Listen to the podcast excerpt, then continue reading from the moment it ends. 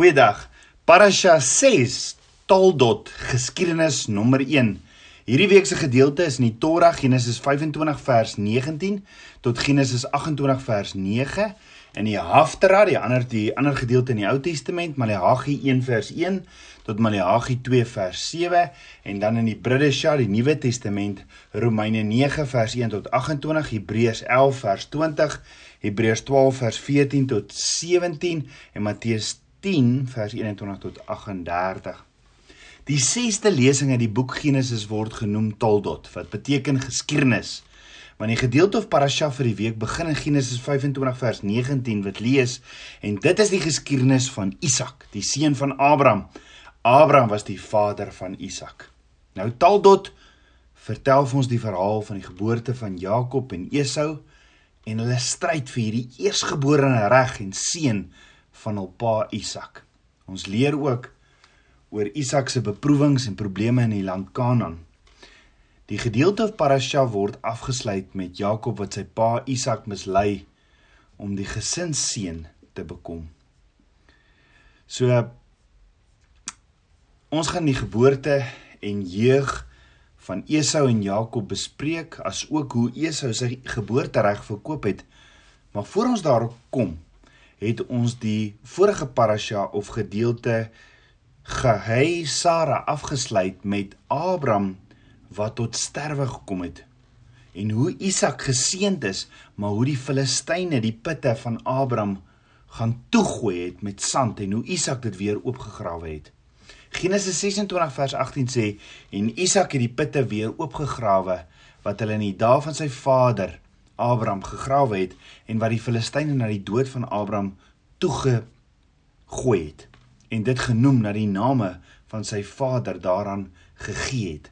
Hy het met ander woorde ek gaan dit net gou weer lees Genesis 26 vers 18 en Isak het die putte weer oopgegrawe wat hulle in die dae van sy vader Abraham gegrawe het en wat die Filistyne na die dood van Abraham toegestop het en dit genoem het na die name wat sy vader daaraan gegee het.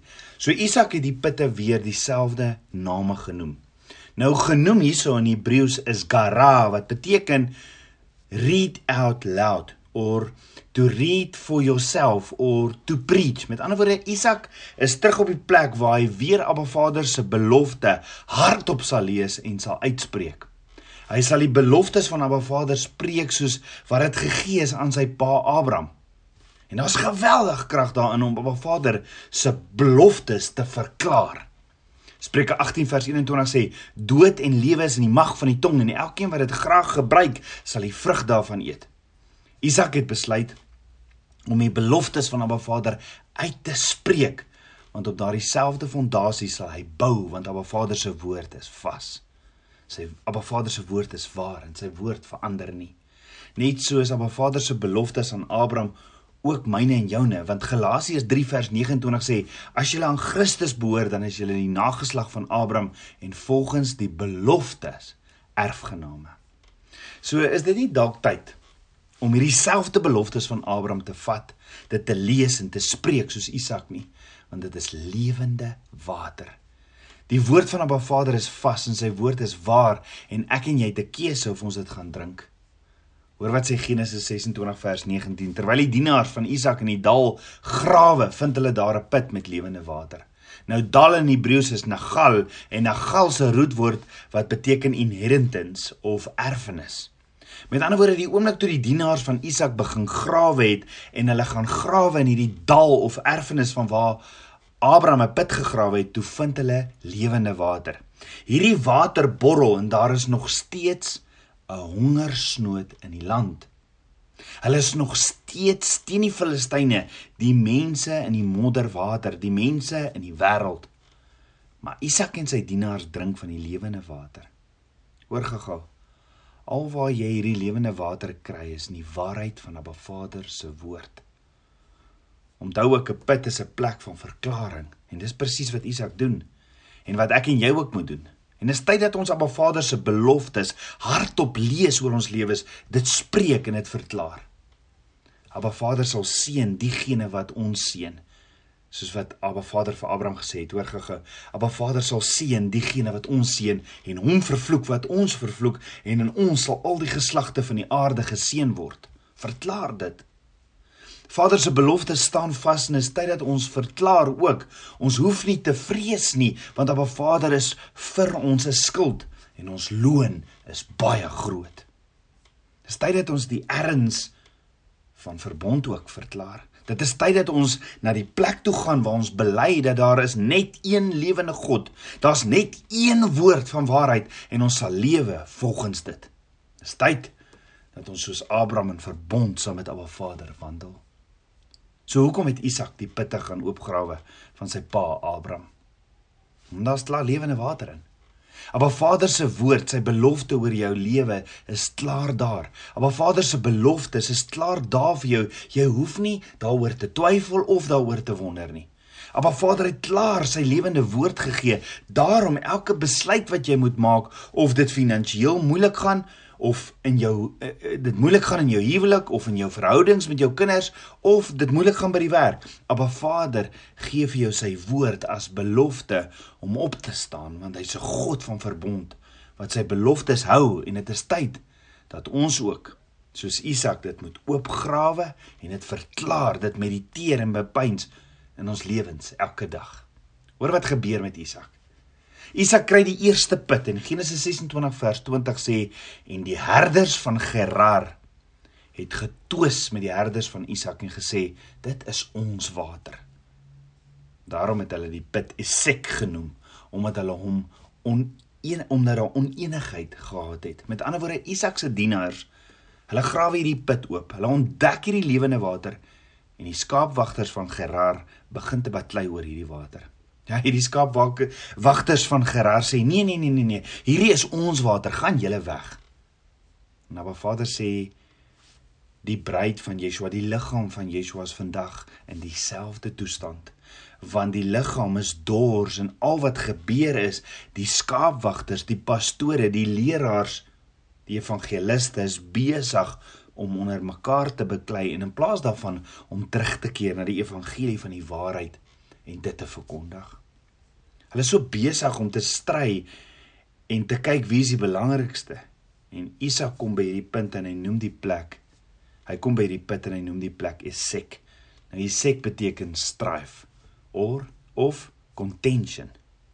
Met ander woorde dis om so te stry onder mekaar oor wie se lewende water dit is en eintlik behoort dit mos alles na Ba Vader Psalm 24 vers 1 Net soos daar vandag so bakleierery onder mekaar oor wie is reg of wie wie kry die meeste likes en followers. En die skaapwagters is so besig om te beklei en die skape vrek van die dors. Niemand hoor meer die waarheid nie. En en daar's hierdie dors in die liggaam van Yeshua. Wat sê Abba Vader toe vir Isak? Abba Vader sê: "Leg lega, trek weg." En Genesis 26 vers 21 sê daarop grawe hulle 'n ander put en daarop het hulle ook getwis. Daarom het hy dit Sitna genoem.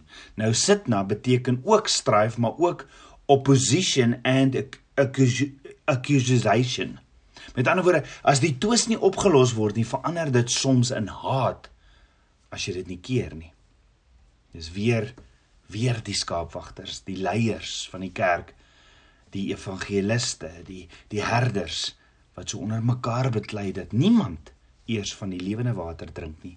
Niemand kan sê hierdie water is van Abba Vader se suiwer woord of beloftes nie. So wat leer Abba Vader ons as daar hierdie heeltyd hierdie twis is oor hierdie lewende water? Skud jou voete af en beweeg aan. Leg lega, trek weg.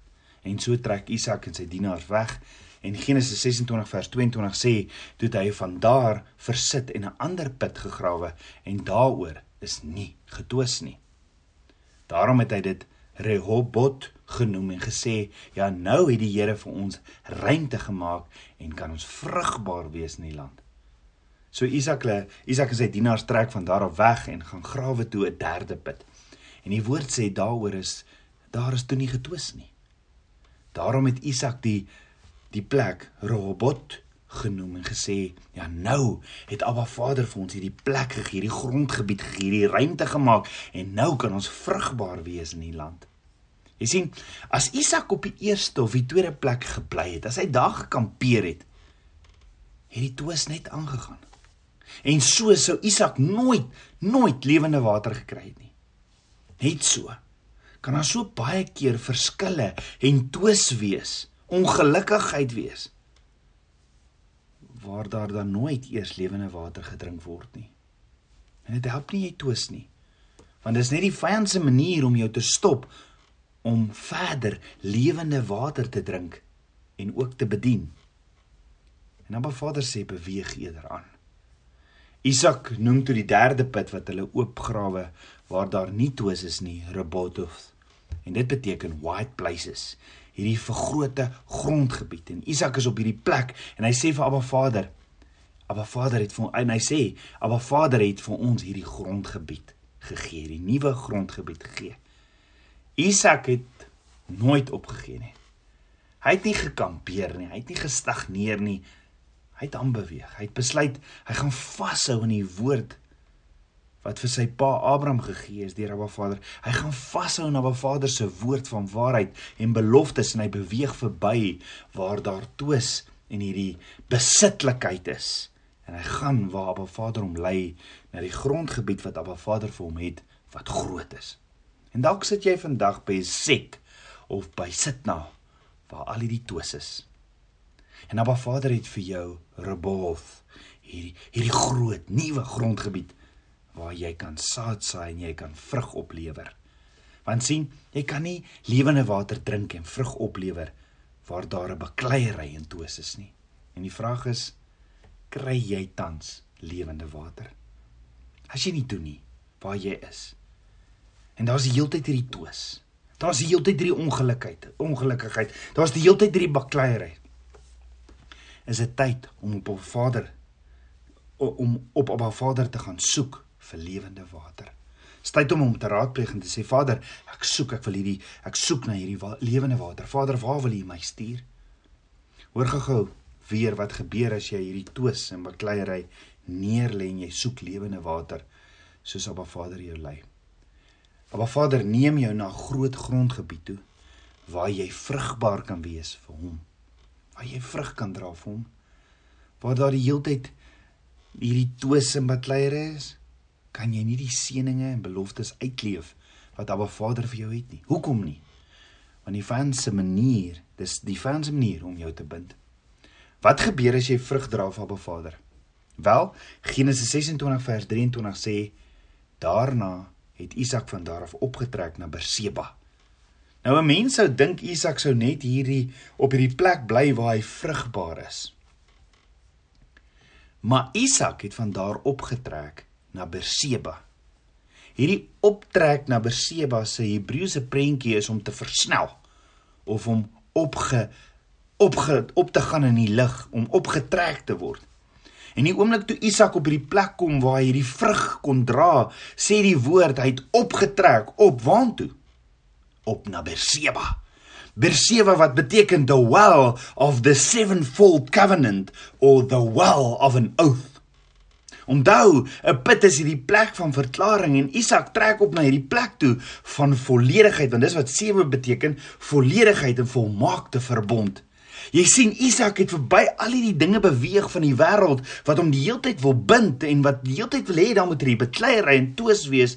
En Abba Vader het sy grondgebied vergroot en hy het hierdie belofte opgeneem wat Abba Vader nog altyd vir hom het en dis om saam met Abba te wandel in hierdie perfekte, volledige volmaakte verbond met Abba Vader. En daar's nog steeds hongersnood in die land. Toe Isak uit sy eie daarna toe optrek, toe sê Abba Vader vir hom na dieselfde nag hoor gegaan in Genesis 26 vers 24. Ek is die God van Abraham, jou vader. My seun moenie bang wees nie, want ek is met jou en ek sal jou seën en ek sal jou nageslag vermeerder ter wille van Abraham my knegg. So kom gee Abba Vader vir Isak hierdie belofte. Want Isak drink lewende water en is 'n plek van verbond met Abba Vader. Raai wat doen Isak toe?